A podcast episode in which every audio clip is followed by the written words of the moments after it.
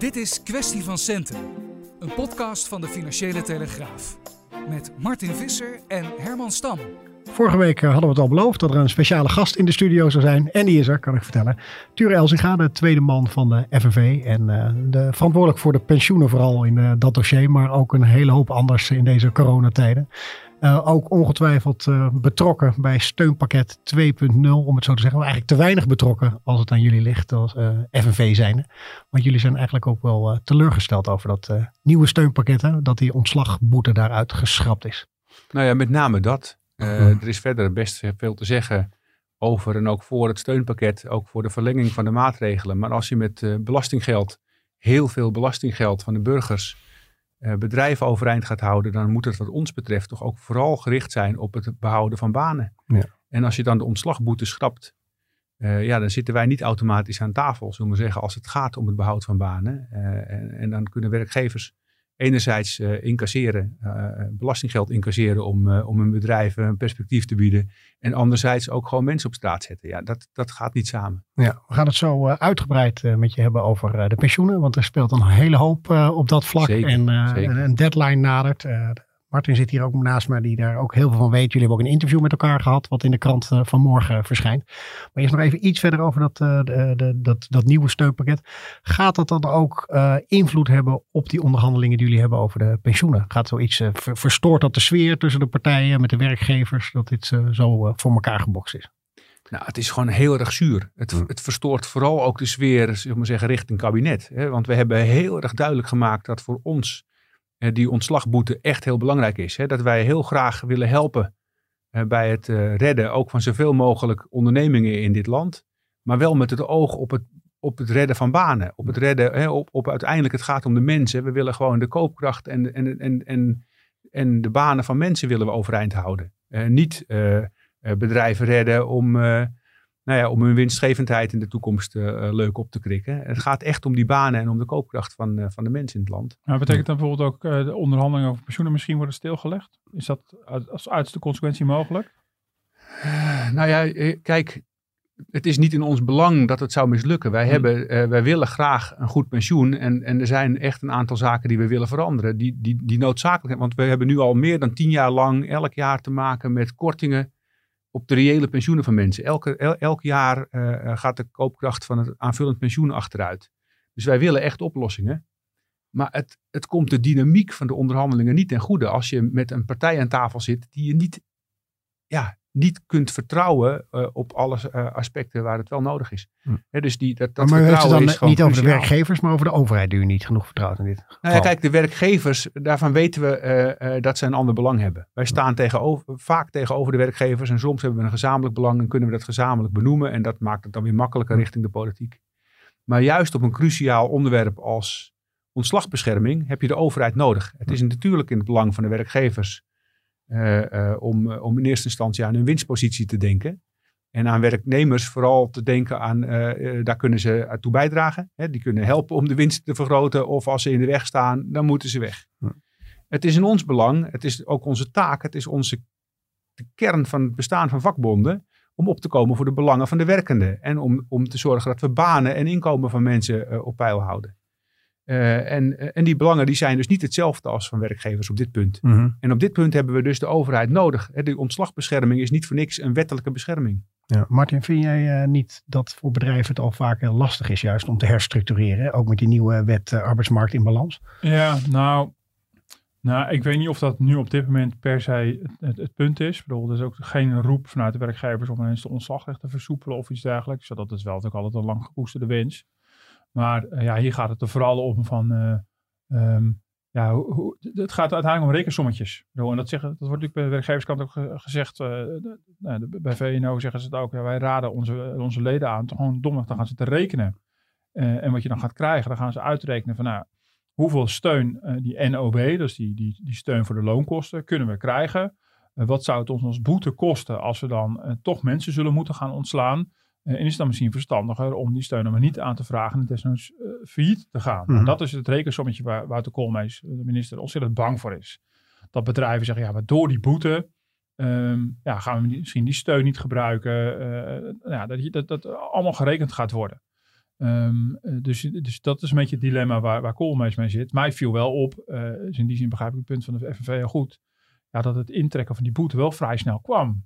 Eh, ik snap best dat die crisis op een gegeven moment een volgende fase kent. En dat het een illusie is om te denken dat alle bedrijven en alle banen kunnen worden behouden. Nou, we hebben gezien in de maandcijfers van april dat voor de flexwerkers het gelach al heel erg hard is. Die overigens keurig onder konden vallen. Mhm. Werkgevers die dat wilden, die konden eh, met een forse tegemoetkoming van de staten de flexwerkers gewoon aan zich blijven binden. Je bedoelt bijvoorbeeld zoals bij de KLM, die vrij snel. Ja, bij de KLM was het, meteen al, een- was het meteen al een kwestie. Ja. Dus ik snap op zich wel dat de vakbond bang is. Ja, dan zijn na de flexwerkers straks het vaste personeel eh, aan bod. En eh, vergeet niet, half maart werd deze regeling aangekondigd in het kabinet. Het was al half mei, nog maar twee maanden later, dat Koolmees ineens zei, we zijn nu in een nieuwe fase beland. Mhm.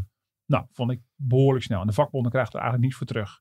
En ook nog eens ongeclausuleerd. Kijk, weet je, normaal gesproken als een bedrijf in bedrijfseconomische problemen zit, Mhm. dan kan er natuurlijk geherstructureerd worden als dat moet. Maar nooit zonder overleg met ons. Dan gaan we eerst praten over of het echt nodig is. En als het nodig is, dan maken we een goed sociaal plan. En dan zorgen we dat zoveel mogelijk banen behouden blijven, et cetera.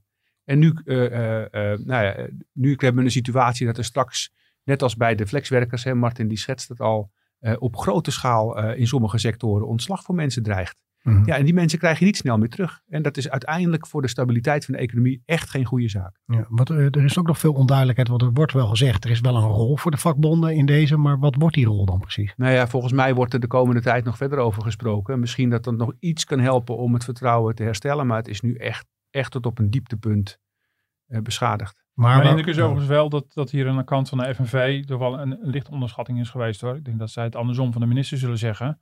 Eh, want ik heb in de krant natuurlijk maandag nog geschreven dat een compromis in de maak was. Toen was eh, echt vanuit de polder echt het gevoel van hier gaan we uitkomen. Han Busker zei het zaterdag nog, eh, de voorzitter van de FNV, zei het nog in, in een dubbel interview in, in, in- bij onze concurrent NRC. Van nou, hier gaan we met een paar dagen wel uitkomen. Dus het was duidelijk dat de vakbond erop tegen was. Die boete zou worden geschrapt. Maar er was toch blijkbaar een algemeen gevoel ook binnen de FNV. Nou, dat, dat, dat lukt wel met Koolmees. Ehm, en toen hoor ik in het weekend al aan de werkgeverskringen van nou, Koolmees gaat de vakbonden zeggen van ja, we hebben een wet op collectief ontslag. En daarin is geregeld dat vakbonden aan tafel zitten bij, bij ontslagen boven de 20 mensen. Mhm. Ja, dan, dan, krijg, ja, dan, dan krijg je iets wat, wat, wat je wettelijk recht al is. Ik dacht van nou, als we het daarmee gaan redden, nou, eh, veel succes. Eh, en uiteindelijk, eh, nou, toen zeg je later Kitty Jong, eh, andere bestuurder van de FNV, die op Radio 1 toch even dacht, nou, ik moet even flink op de rem gaan trappen. En toen ging het alsnog, alsnog escaleren. Maar tot dan toe was het ook de sfeer binnen de vakbeweging. Nou, hier komen we wel uit met koolmees. Eh, Hmm. Dat is misschien achteraf ook naïef geweest. Wat is uw analyse? Ehm, nou ja, kijk, weet je, meestal is onze ervaring dat als we een signaal duidelijk maken, en misschien moeten we ons in de spiegel, moeten we in de spiegel kijken en zeggen dat we het signaal niet duidelijk hebben gemaakt in een, in een, in een vroegtijdig stadium. Maar ik denk dat we wel degelijk hebben gezegd van jongens, dit, hè, ongeclausuleerd gewoon die boete afschaffen, is wat ons betreft niet over te praten. En dat is Mhm. dan wel wat er gebeurt. Ehm, ja, en dan dan moet is- je met diezelfde minister nu verder. Met die, en met die minister ja. moeten wij wel verder en dat helpt dus niet. Eh, Nee. Dat helpt dus niet. Wat eh, zijn de reacties eh, binnen de bonden? Wat, wat, wat voor geluiden krijgen jullie hierop terug? Nou ja, als we het even toespitsen op pensioenen, hè, dat is natuurlijk toch waar ik de meeste commentaren op eh, binnenkrijg, want dat zijn de, de, de zaken waar mensen mij op aanspreken. Dan zie ik enerzijds eh, eh, eh, eh, mensen in onze achterban zeggen, eh, eh, zeggen van zie je wel, eh, dat is hetzelfde kabinet ook van die, die ook de dividendbelasting wilde afschaffen. Dat, is, dat zijn vriendjes van de werkgevers. Daar kun je helemaal niet op bouwen. Eh, wat heb je daar nog te zoeken? Ga weg aan die eh, overlegtafel. Hè? Die zien hun wantrouwen, wat er toch al was, bevestigd. Ja. En anderzijds zijn er ook eh, mensen in onze achterban die zeggen: verknoop die twee eh, dingen nou niet aan elkaar. Dit gaat over ontslag. Zie je wel, de FNV is weer alleen voor de werkenden. Eh, maar ze moeten ook de belangen van gepensioneerden behartigen. En eh, eh, alsjeblieft, ga wel door eh, met, met die eh, bespreking over de pensioenen, want het staat hier helemaal los van. Hè, dat laatste dat doen jullie dat is- niet toch ook? Ik, bedoel, ik geloof niet dat de pensioenbesprekingen nu stil liggen. Dat is toch allemaal ongoing. Nou ja, kijk, we blijven natuurlijk praten eh, eh, met alle partijen om onze belangen te behartigen.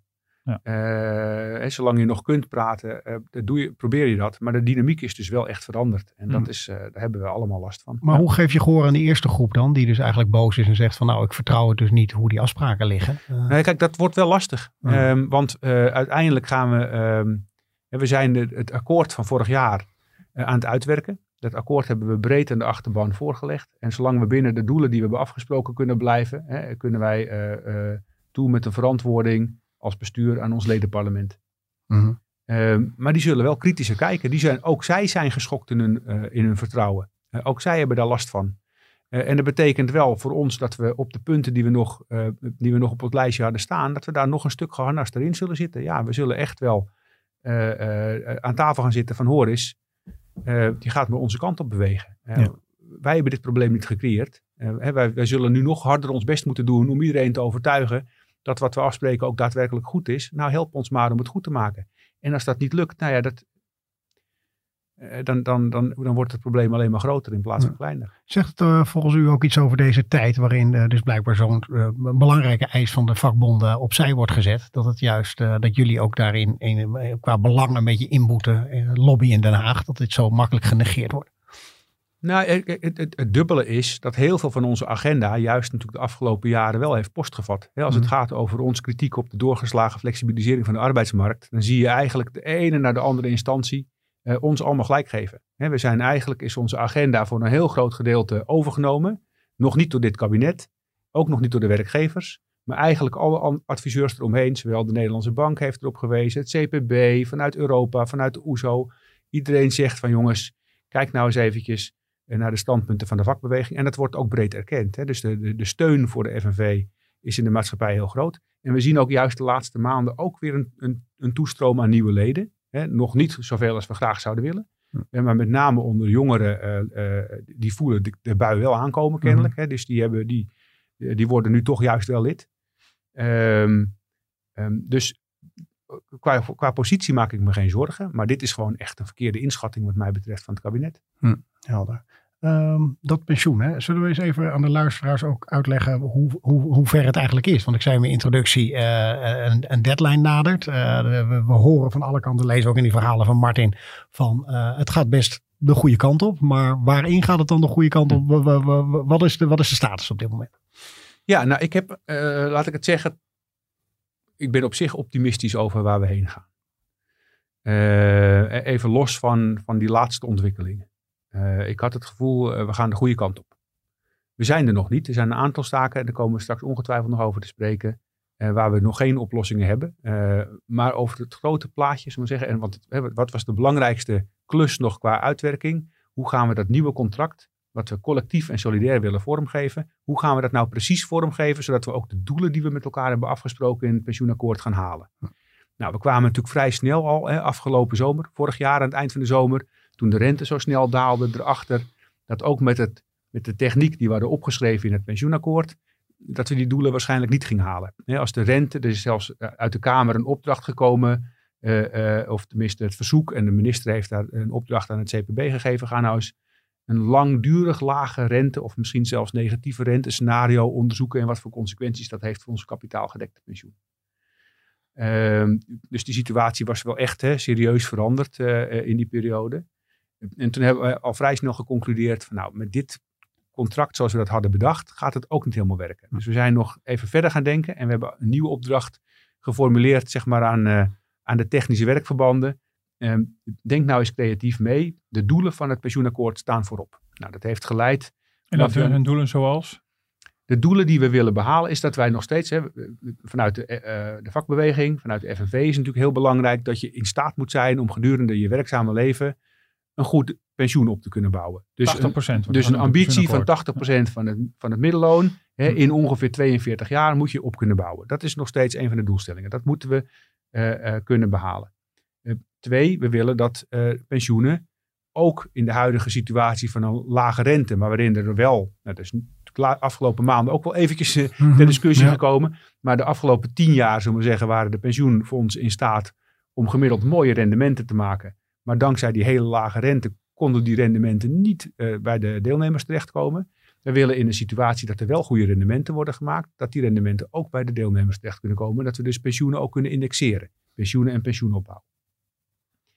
Um, dus dat, dat indexatieperspectief moet nadrukkelijk verbeteren. Hm. En daarnaast willen we de goede uh, uh, uh, karakteristieken van dit huidige stelsel, hè, dus de collectiviteit, de solidariteit, de verplichtstelling, hè, dat iedereen ook meedoet in een, in een pensioenregeling die je in de CO afspreekt, die willen we overeind houden. Dat moet juridisch overeind te houden zijn en dat moet ook duidelijk zijn hè, hoe die solidariteit dan georganiseerd is. Wel zo transparant mogelijk, maar wel duidelijk dat je met z'n allen samen de risico's draagt. Want als je dat samen doet, als je risicodeling hebt binnen en tussen generaties, dan levert dat een heleboel welvaartsvoordelen op. En Mhm. die willen we niet kwijt. Dat levert gewoon eh, eh, aantoonbaar een hoger pensioen op. Dus dat willen we graag bewaren. Mhm. Nou, dat, eh, dat zijn de doelen. En die doelen die lijken we met een, eh, een iets andere inrichting van het contract goed te kunnen behalen. Nou, een iets andere. ehm, wel eentje waarbij natuurlijk de rekenrente wordt afgeschaft. Tot jullie grote plezier, denk ik. Eh, Daar hadden we erg veel last van, dus Ja. dat, dat vinden Ja. wij niet erg. Nee. Nou, ook wel onze deel van onze luisters, luisteraars en lezers misschien ook wel gehaat en moeilijk, moeilijk begrepen. Maar die horen bij een systeem waarbij we een soort pensioenzekerheid eh, beloofden aan mensen. En die gaat er nu ook af. Dus, het, dus in het pensioenakkoord was nog sprake van een variabele pensioenaanspraak. Ja. Dat was een soort woordspelletje om er destijds uit te kunnen komen. Eh, ik weet dat er heel lang is onderhandeld over hoe schrijven we dat nou precies op. En een aanspraak suggereert toch dat je ergens in de toekomst recht op hebt. Ja. Dat laat je dan nu los, waarmee de uitkomst van het pensioen dan zogezegd onzekerder wordt. En dan zegt de toezichthouder, ja, dan hoeven we dus ook niet meer zo streng te, re- te rekenen. Ja, dan leg je in en die werkgever legt voor jou in. En al naar gelang hoe de beurzen doen tijdens jouw werkzame leven, eh, zal je zien dat je een heel, heel goed pensioen hebt aan het eind van de rit. Of dat het een klein beetje tegenvalt. Eh, heel simpel gesteld.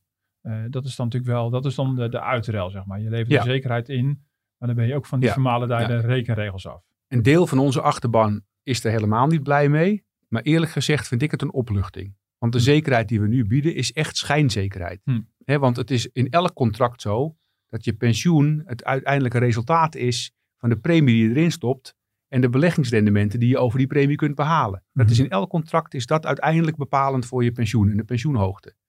En in het huidige contract hadden we de suggestie dat het zekerheid zou opleveren. Maar eigenlijk weten alle gepensioneerden van nu, die weten wat dat betekent. En de prijs van die zogenaamde zekerheid is nu al meer dan tien jaar lang koopkrachtdaling van hun Ja. pensioen. Ja. Ehm, en dat is een prijs die wij te hoog vinden. Dan hebben we liever op papier iets meer onzekerheid, waarbij we in de praktijk zelfs eh, betere resultaten kunnen behalen. Dus dat is, eh, eh, die, die schijnzekerheid, die wekt eigenlijk alleen maar frustratie. En je belooft iets ja. wat je niet waarmaakt. Dus dat wat, wat tien jaar geleden nog casino-pensioen werd genoemd in de FNV-geledingen, is nu de opluchting. Dat is nu Nou, meer kijk- hetzelfde systeem. Nee, het is toch echt wel anders. Ja? Ja, ja het is echt wel anders. Ehm, in dat, wat, wat tien jaar geleden casino-pensioen eh, werd genoemd, ehm, kwam ook tot uitdrukking dat het pensioen het resultaat is van premies plus beleggingen, net als nu. Ja. Maar dat ging nog wel via aanspraken eh, en, en dan via een andere disconteringsvoet. Eh, nu hebben we eh, uiteindelijk echt een andere systematiek. Ja, het is nu Eh, nog iets onzekerder. Nee, het, wordt, nou, het gekke, is, het gekke is, de resultaten liggen dus dichter bij elkaar. We gaan nu naar een hele andere wijze van, eh, we gaan niet meer de risico's met elkaar delen via dat ene instrument van de dekkingsgraad.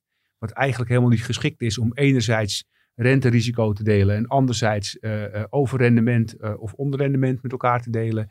En ook nog aanpalende risico's als biometrische risico's zoals leven, lang leven risico, et cetera. We, gaan nu, we doen nu alle risico's via één instrument, die Hm. dekkingsgraad. Nou, dat is helemaal niet geschikt om, eh, eh, omdat het hele verschillende risico's zijn, om het allemaal op dezelfde manier te behandelen. Ja. En als je dat dus op een andere manier doet, hè, als je dus, dus het is eigenlijk, nu hebben de ouderen betalen de prijs van het lang leven risico van jongeren. Hè, dus do- doordat eh, de jongeren, zeg maar zeggen, de lange rente, de rente op de lange termijn enorm is gedaald. Hè, eh, eh, eh, eh, wat, wat natuurlijk de, de kostprijs van pensioen voor jongeren bepaalt. Maar omdat we dat nu allemaal via dit ene instrument doen, de dekkingsgraad, is er de afgelopen tien jaar enorm veel kapitaal verschoven van ouderen naar jongeren, relatief. Er is voor, jongen, voor ouderen meer kapitaal opgebouwd eh, in de potten als gevolg van die lagere rente en de hogere eh verplichting eisen die er zijn. Maar voor jongeren is in verhouding nog veel meer kapitaal opgebouwd. Dus heel veel van het kapitaal is in verhouding eh, verschoven van oud naar jong. Nou, mocht de rente andersom gaan, dan zie je die verschuiving weer terug. En dat is allemaal omdat, dat, eh, omdat het renterisico op één manier wordt behandeld. Hm. Dat is niet logisch. Hè. Dus, dus we gaan daar in het nieuwe systeem op een andere manier mee om met die risico's.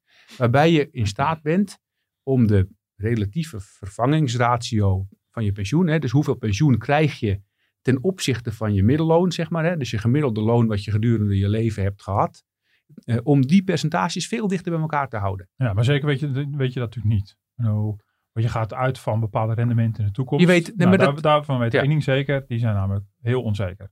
Dus als die rendementen in de toekomst tegen zullen vallen.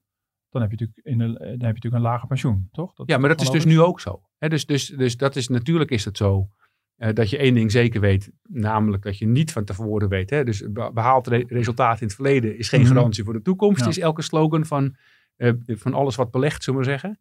Ehm, dat, is een, dat is een enige zekerheid die we hebben, is dat je geen zekerheid hebt over hoeveel rendement het oplevert. Ja. Maar we weten wel dat als je naar de lange tijd, eh, over een lange periode kijkt, eh, dat het aantal jaren met een positief rendement over het algemeen groter is dan het aantal jaren met een negatief in het rendement. verleden. Als je, ja, als je Ja. nou, maar of je nou 10 jaar Ja. terugkijkt, of 20, of 30, of 40, of 50, of 60, of. 70, is eigenlijk altijd zo geweest. Hè. Er zijn dips, maar er zijn ook weer, eh, eh, ook weer eh, eh, hoogconjuncturen. En uiteindelijk levert eh, eh, kapitaalbeleggen geld op. Hm. En daar gaan we ook voor de toekomst van uit. Hm. Want als dat niet zo was, moesten we onmiddellijk stoppen met sparen voor later. Dan konden we beter als Frankrijk of als andere Europese landen overstappen op een omslagstelsel. Waarbij de huidige werkenden betalen voor de huidige gepensioneerden. Ja. Ja. En dat is natuurlijk ook nog een optie. Maar we, Ja. kiezen, we, we verwachten dat we ook om de- in de toekomst er nog goed aan doen om een kapitaalgedekt pensioen in stand te houden. Nou, dan moet je ook ervan uitgaan dat je dus rendement maakt op je kapitaal. Ja, waarom begin je er anders aan? Ja. Jullie hebben veel eh, oudere leden ook. Ik vraag me dan af, als je zegt, eh, gewoon even als voorbeeld dat mensen het goed begrijpen. Als je 55 nu bent, wat verandert er dan tot aan je pensioen dan nu? Kan, kan je dan wel bijvoorbeeld eh, die laatste paar jaar eigenlijk door een heel slecht rendement een veel lager pensioen krijgen? Hoe doe je die, hoe doe je die, die 10 jaar dan eh, nu voor, voor iemand die 55 is? Nee, dat, dat kan dus. Dat, het, ehm, dat gaat dus niet gebeuren. Hm. Ehm, kijk, we gaan nog steeds de risico's met elkaar delen. En mensen denken dat eh, van oh jee, het wordt nu afhankelijk van, van de koersen en dat ze daarmee individueel verantwoordelijk eh, worden. Hè, dat zij het risico van die, van die beurskoersen eh, op hun bordje krijgen. Ehm, het is net als nu dat we collectief, met hè, dus met z'n allen, dat risico opvangen. Dat gaat in het, eh, via het huidige pensioenfonds is dat ook zo. En dat vertaalt zich dan in hogere of lagere dekkingsgraden. Hè, dus dat verandert niet. Eh, maar in het, eh, ehm, eh, in het nieuwe contract blijven we die risico's op een andere manier vastgesteld. Hè? Dus dus de, we, onderscheiden de verschillende risico's van elkaar. Maar die blijven we wel eh, op een verschil, dus, dus met, met elkaar delen. Dus we blijven met z'n allen de schouders onder alle risico's zetten. Hm. En dat maakt het ook mogelijk om de risico's over een langere periode uit te spreiden. Het betekent niet dat als de beurs inklapt, dat dan je pensioen ook naar beneden stuitert. Nee, in, in geen geval. Dus het is ook niet zo dat als jouw vermogen, hè, in je, eh, je- jouw het pensioenvermogen wat voor jou gereserveerd is, als dat een klap krijgt, dat je daarmee ineens dan ook veel minder pensioen krijgt. Hoeveel, over hoeveel tijd gaat het uitgesmeerd worden? Nou ja, dat, dat, is nog, dat, dat zit in de uitwerking. We proberen te kijken van, hè, wat, door, door te berekenen, wat is nou een, een optimum erbij. Maar dat zal waarschijnlijk net als in de huidige situatie over een jaar of tien zijn, zullen we zeggen, dat je zowel pieken als dalen kunt uitsmeren. Hmm. En dat eh, eh, het blijkt ook eigenlijk dat bijna elke crash die je meemaakt of eh, grote uitschieters, hè, dat die, die middelen aardig uit als je zo'n soort periode neemt. Ja. Er zit nog wel natuurlijk wat, eh, wat fluctuatie in, hè, dat kan. Maar we gaan, ehm, eh, nou ja, dat, dat zal fluctuatie zijn bovenop, zeg maar, de, de aanname, dus de, de, de, de voorzichtige projectie van het rendement wat je maakt. Hè, die in principe genoeg is om te zorgen eh, eh, dat je een, eh, eh, een geïndexeerd pensioen krijgt. Ja, maar dan kan je dus zeggen, misschien voor zo'n 55-jarige is het wat minder risicovol. Maar als je 40 bent, dan kan je misschien meer de klos zijn. Of joh, bij jongeren gaat het nog minder draagvlak misschien krijgen, dit systeem. Eh, nou, dat, dat, dat zou, zou me verbazen. Kijk, weet je, dat is, we denken dus nu dat we een, een, eh, eh, een zeker pensioen opbouwen. Maar Mhm. als je naar mijnpensioenoverzicht.nl gaat, hè, waar je je huidige UPO kunt zien, of de, de optelsom van alle eh, pensioenen eh, die, je, die je bij verschillende werkgevers hebt gehad, Mhm. eh, dan zie je daar ook, dit is jouw aanspraak. en dit is het, je pensioen als het mee zit en dit is als het Ja. tegen zit. Dan zie je eigenlijk diezelfde waaier van onzekerheid zie je nu ook al. Ja. En dat is omdat voor een 20-jarige is je pensioen op pensioendatum nu dus al net zo onzeker als een, eh, als een ander pensioensysteem. Maar u Dus- denkt niet dat die waaier nog veel uitgebreider wordt als je nu 20 bent, dat je je kapot schikt van, oh, maar dit kan Nee. het ook worden. Nee, sterk, nee sterker, nog, sterker nog, ik denk dat die waaier eh, eh, wat beperkter zal zijn. En dat, dat mediane, hè, dus ervan uitgaande dat, dat je ongeveer nou ja, een gemiddeld economisch scenario doorloopt over, over de lange tijd. Hè, dat de pieken en de dalen zich een beetje uit, uitmiddelen. En dat op een lange termijn zeg maar, het economisch scenario ongeveer in op het gemiddelde pad ligt. dat dan je pensioenverwachting hoger zal zijn dan dat het nu is. Hm. Martin, wat vind jij nou als je het zo aanhoort ook een van de sterkste, sterkere punten in het nieuwe pensioenakkoord en waar maak je je meer zorgen over? Nou ja, het sterker is inderdaad wel dat je, dat je voor mij meer gaat meebewegen met de golf van de beurs. En uh, bij ABP zeggen ze heel vaak, uh, Corien Wortman zegt altijd meer bewegen met de economie. Dat veronderstelt een beetje een één op één relatie. Nou, die zien we nu op dit moment toevallig net even niet. De mhm. beurs doet het relatief goed. We zitten in een diepe crisis, maar goed. Meer meebewegen met de golven van de beurs. En dat voelt misschien een beetje eng, maar ja, dat is toch, dat is misschien, dat is toch wel verstandiger dan een systeem waar we, waarbij we nu meebewegen op de golven van de rente. Bedoel, al was het maar voor de uitlegbaarheid aan mensen. Bedoel, dus ik, het is zo ontzettend moeilijk aan mensen uit te leggen. Ehm, eh, A, al uit te leggen waarom die rente zo extreem daalt. Ik bedoel, er zijn allerlei economen die hun hoofd erover breken. Er zijn tal van verklaringen voor. Ehm, maar die, die rente die maar dat pensioen uitholt, dat is al voor de uitlegbaarheid al, al, al mhm. slecht. Ehm, dus ik denk dat, dat dat reëel is. In die zin lijkt het ook wel een beetje op zo'n individueel pensioenpotje. Uh, dat, dan, ja, dat, eh, dat, dat beweegt ook mee. Dus dan heb je, kan je ook het risico lopen dat het aan het eind van de rit toch tegenvalt. Of dat het, voordat het toch mee zit. Maar het beweegt mee. daar zit tegelijkertijd dus ook, daar zitten we ook alweer met het verschil met het individuele pensioenpotje ook weer een nadeel. Het hangt over de, de mate van solidariteit af. Of het uitlegbaar blijft. En ook of de generaties eventueel opdraaien alsnog weer voor een andere generatie. dat, dat hangt er heel erg van af wat er nou precies wordt afgesproken. Um, er valt misschien best wel iets voor te zeggen om, eh, weet ik wat, als er een beurscrash is, om, om daar de effecten ervan te gaan dempen, om dat een beetje uit te smeren. Dat klinkt niet, niet heel onlogisch, zeker als dat gebeurt vlak voor het moment van pensionering. Dan ben je ineens de sjaak. Maar ja, hoe meer je dat gaat doen, allerlei solidaire, solidaire elementen inbouwen, hoe lastiger het uit te leggen is. Want het is minder duidelijk wat jouw precieze pensioenrecht is. Um, uh, en daar is ook wel ruimte natuurlijk voor, ook voor de, voor de sociale partners en de vak, vakbonden werkgevers om allerlei knoppen te draaien. Uh, dus daar ben ik wel heel benieuwd naar hoe dat uiteindelijk aan het eind van de rit uh, uitpakt. ik zeg niet voor niks van de FNV staat bekend om wat oudere leden. Hè. De krant wordt ook vooral door wat oudere mensen gelezen. Maar is nou wel, genoeg, zijn er nou wel genoeg jongeren vertegenwoordigd aan die tafel om hier ook over mee te praten? Um, nou ja, niet in de stuurgroep, denk ik. Uh, uh, en misschien ook niet in alle technische werkverbanden. Uh, maar wij hebben wel, we hebben als FNV zelf klankportgroepen. daar zit ook FNV Jong bij. dat hebben we bewust zo, ook zo gekozen. maar we hebben als stuurgroep ook nog een, een brede klankbordgroep. Waarin en de, hè, dus we zitten natuurlijk in de stuurgroep vooral vanuit werkgevers, werknemersorganisaties en het kabinet. die, drie, die drie partijen zitten daar als partijen aan tafel.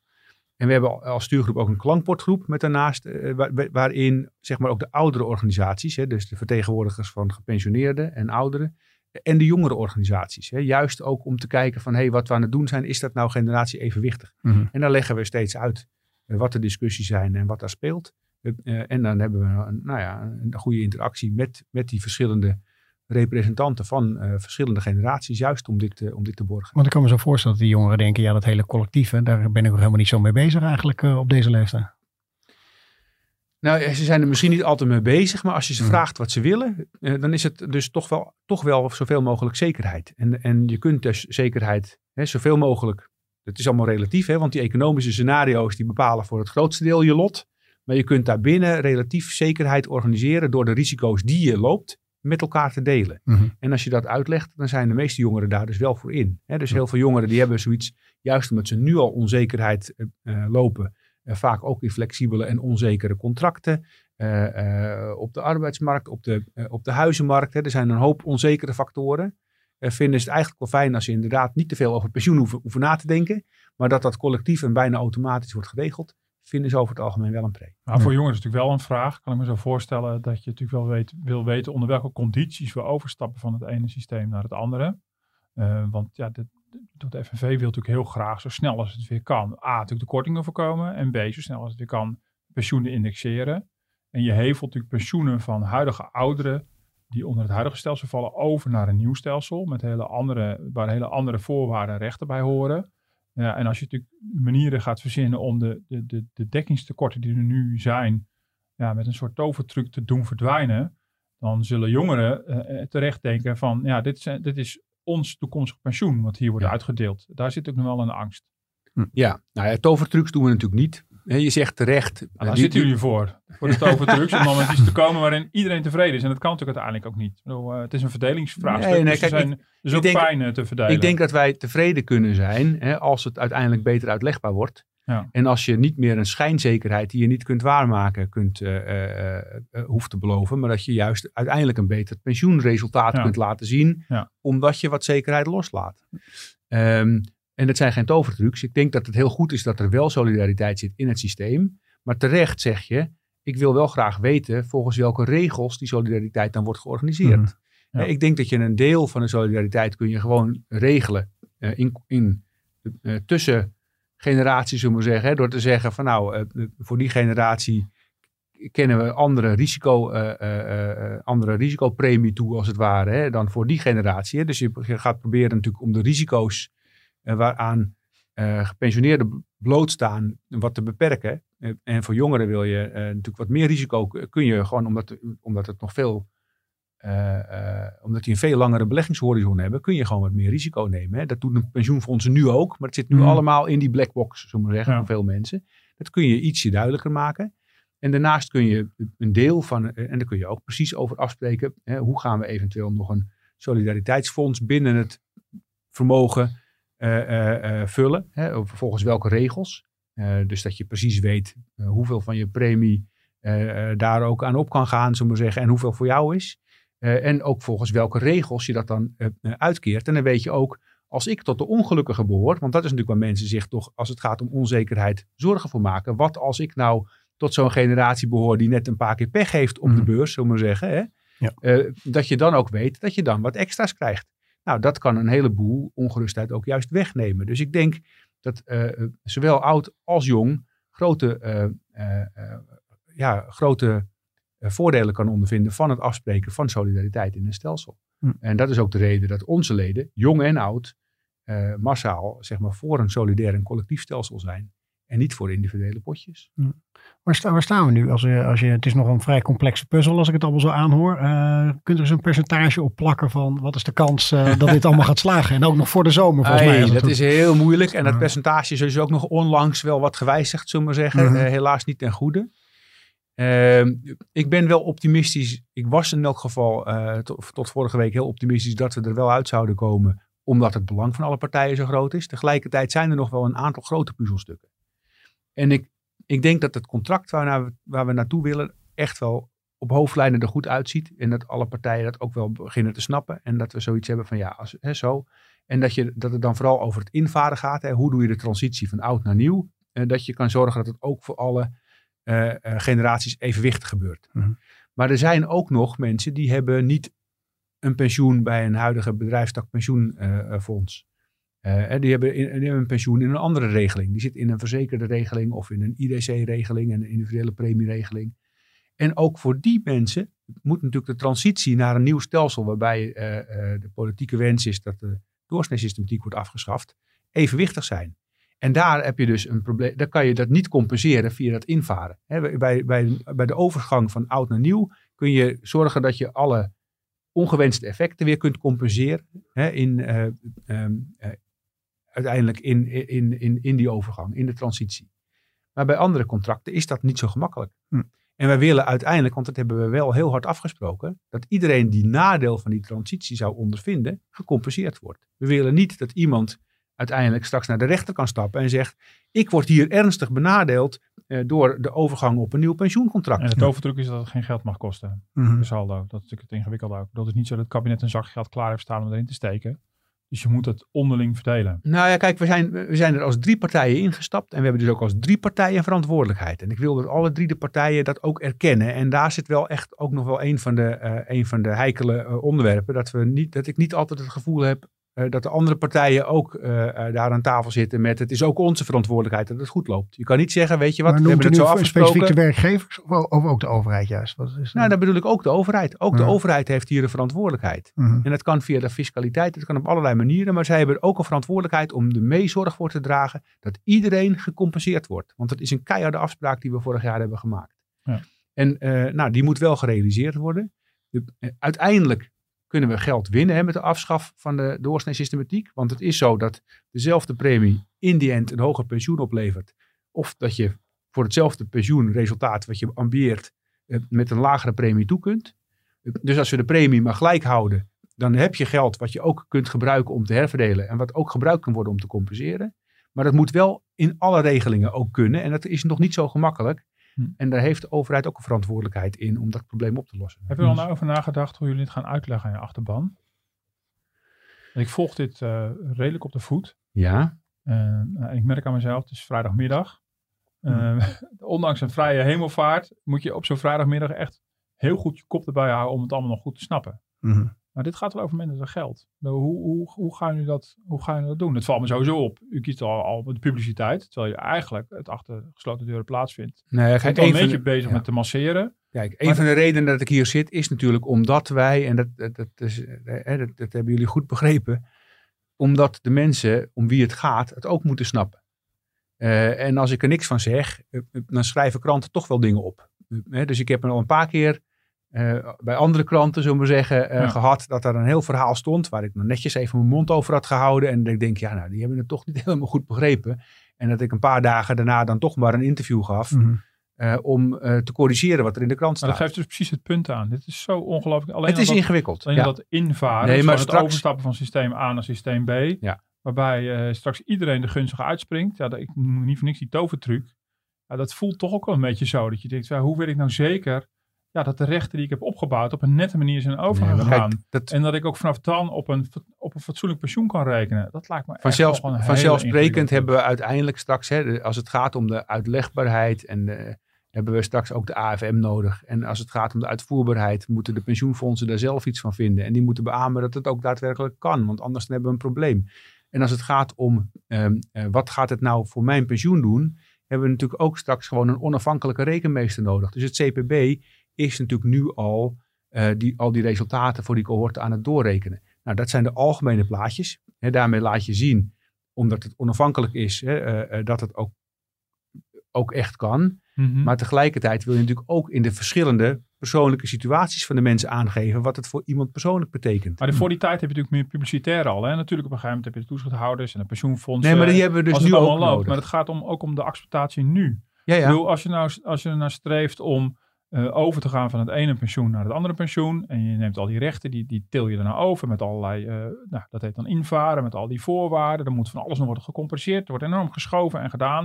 En aan het eind van de rit is iedereen gelukkig, want het hoeft niet te worden gekort. En, en mogelijk dat gepensioneerden zelfs indexatie tegemoet kunnen zien. Ja, hoe maak je dan aan jongeren duidelijk dat het niet zijn geld is geweest wat nu wordt ingezet voor die pensioenen van ouderen, Mhm. bijvoorbeeld? Nou dat, dat, dat- dat- kijk, dat moet nog steeds gebeuren met behulp van berekeningen en van het CPB. Dus een stempel van, van het CPB erop en berekeningen ook van de fondsen die dat kunnen laten zien. Mhm. En we zijn dus, er wordt nu hard gerekend. En uiteindelijk gaan wij natuurlijk niet akkoord met een stelselwijziging als we niet ook de berekeningen hebben gezien die kunnen staven wat wij Ja. op basis van de modellen verwachten. We hebben nu modellen. Die modellen die zijn wat getoetst.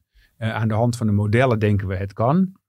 Maar we willen straks natuurlijk gewoon wel in een echt concreet geval van een concreet fonds en van verschillende mensen in dat fonds van verschillende generaties zien. Oké, wat betekent het nou voor een bouwvakker van 20, 40 of 60? En wat betekent het nou voor iemand eh, eh, eh, in, in de zorg of in het onderwijs hè, of in de metaal? Mhm. Ik noem maar wat. We willen dat natuurlijk gewoon zien.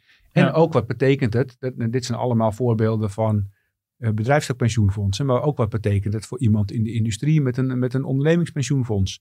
Of wat betekent het voor iemand eh, nou, in de havens met een verzekerde regeling? Ja. Eh, dus ook voor die verschillende contractvormen moeten we kunnen laten zien dat niet alleen op de lange termijn eh, het niet tot verslechteringen leidt, hè, maar juist tot de verbeteringen die we wensen. Eh, maar dat ook de transitie verantwoord is voor Ja. al die verschillende generaties. Want Ja. alleen als je dat kan laten zien aan mensen, denk ik dat je ze kunt overtuigen. Want je kunt ze niet overtuigen met een ingewikkeld model en eh, een, een, een heel theoretisch praatje zoals wij dat hier zitten te houden. Dat is leuk voor ons en voor sommige van jullie luisteraars. Maar de meeste mensen die zullen gewoon een, een, een, een heel concrete berekening of een plaatje willen zien. En, en van iemand die ze vertrouwen willen horen. Ik heb het voor u nagerekend. Eh, u gaat er eh strakjes eh, in elk geval niet op achteruit. Ja. Uh, als het zo complex is, is het dan ook niet zo dat je, het klinkt een beetje vreemd, maar niet te veel haast maar Ik snap dat Wouter Koolmees graag een akkoord wil hebben voordat de verkiezingen weer zijn. Uh, maar het klinkt nog alsof er nog best wel wat werk te doen is. Ja, um, zorgvuldigheid is belangrijk. En uiteindelijk belangrijker dan snelheid. Dat zegt de collega vakbond ook, hè, VCP. Die ja. gaf al aan van nou, misschien kunnen we nog niet akkoord ik, gaan. Kijk, ik mhm. ben het met ze eens. Ik ben alleen iets optimistischer. Misschien ook, nou ja, hè, wat ik al zei ik, met enige slag om de arm, want het is wel, uh, nu staat het vertrouwen ook nog wel onder druk. We moeten zien dat we dat hersteld krijgen, voldoende om überhaupt eruit te komen. Um, maar in elk geval, tot vorige week had ik misschien ook iets meer zelfvertrouwen dat, dat het ook op die laatste punten voor ons goed uit zou pakken. Tot nu toe heb ik gezien dat als ik mijn zinnen zet op ik wil dit doel kunnen behalen en daar gaan we een oplossing voor vinden, dat het ook lukt om die oplossing te vinden, zodat we het doel uh, wat we hebben afgesproken kunnen behalen. Met creativiteit desnoods, maar uiteindelijk, dat doel, dat gaan we behalen. Um, heb ik, ik, heb, ik heb voldoende zelfvertrouwen om daar, uh, om daar vanuit te kunnen gaan. Um, of dat per se binnen dat tijdsbestek lukt, weet ik niet. Ik weet wel dat het belang groot is, ook voor ons. Want na de zomer Um, uh, gaat het natuurlijk, zit dit kabinet in een voorverkiezingsjaar. -huh. Er liggen straks natuurlijk. Nou, we gewoon... misschien uitstel van verkiezingen als ik het nieuws uh, vandaag zo zeggen. Nou ja, uh, kijk, weet je, dus dat is natuurlijk het ingewikkelde. Uh mhm. straks ligt er bij, bij, de, bij de nieuwe plaatjes op, op Prinsjesdag liggen er ook weer 101 andere wensen op tafel die ontstaan uit de hele veranderde situatie. Ja, die kosten ook allemaal geld. De onzekerheid gaat gewoon toenemen als het te lang duurt. De, politieke onzekerheid neemt ja. toe. De economische onzekerheid wordt voorlopig in elk geval nog niet minder. Dus er is gewoon een hoop aangelegen uh, om gewoon uh, dit, hè, wat we hebben afgesproken, dat hebben we even los van de crisis. Na tien jaar bakkeleien, zeg maar, hebben we vorig jaar eindelijk een akkoord met breed draagvlak voor elkaar gekregen. Om dat nu ook geïmplementeerd te krijgen. Ja. Uh, en het is ook in het belang, denk ik, van gepensioneerden en werkenden. Om daarover zo snel mogelijk duidelijkheid te krijgen. Ja. Martin, tot slot, kun je nog een voorspelling doen? Wat denk je? Gaat het lukken? Nou, ik was tot nog toe heel optimistisch. Even, ja, we hebben steeds nu de disclaimer van die ontslagboete. Mm Maar uh, ik wist dat het, het, het, het is verbazingwekkend hoe hele grote kwesties eigenlijk al sinds vorig jaar juni gewoon op tafel liggen en er nog steeds liggen. Um, maar je ziet gewoon in de planning dat uh, alles erop gericht is om er bijna uit te zijn. Dat is volgende week nog alle onderhandelaars bij elkaar. En dan uh, wordt het chefzagger. En dan misschien wel uh, lekker een nachtje doorhalen en dan uh, een klap nou, erop. Dat, zou zomaar kunnen. Dat, dat, precies. Bedoel, dat hoort eh, erbij. Uh, dat, en dat, daar, daar lijkt het toch heel erg op. Maar het, blijft toch altijd ook, ik kijk van een afstandje naar, moeilijk om te begrijpen dat je hele grote kwesties dan misschien toch ergens in de nacht ja, laat af, aftimmeren door de Hans de Boeren en, en, en, en de Han Buskers van deze wereld. Maar dat, dat is zoals het werkt. Dus dat, ik denk dat het model wat er ligt, gunstig is. En als we dan de details weten, dan kunnen we ook even kijken of er echt niet toch nog ergens iemand de Sjaak is. Want dat zal ongetwijfeld zo zijn. Mm -hmm. Maar daarvoor hebben we echt ook al de details uh, nodig die we nog niet hebben. Maar de richting is voor mij, is voor mij heel erg goed. Dat was sinds januari was dat ineens al heel veelbelovend. Ja. ja. Sterkte ermee. Bedankt uh, dat u uh, deze complexe materie hier heeft kunnen uitleggen. Wij gaan uh, hier plek maken voor de jongens van de voetbalpodcast die al staan te dringen. Maar het was heel leerzaam om dit zo allemaal op een rij te kunnen zetten. Dus bedankt. En Martin, jij ook bedankt. Tot volgende week. U kunt ons terugluisteren op Spotify of op iTunes. En mailen kan ook altijd op podcast.dft.nl.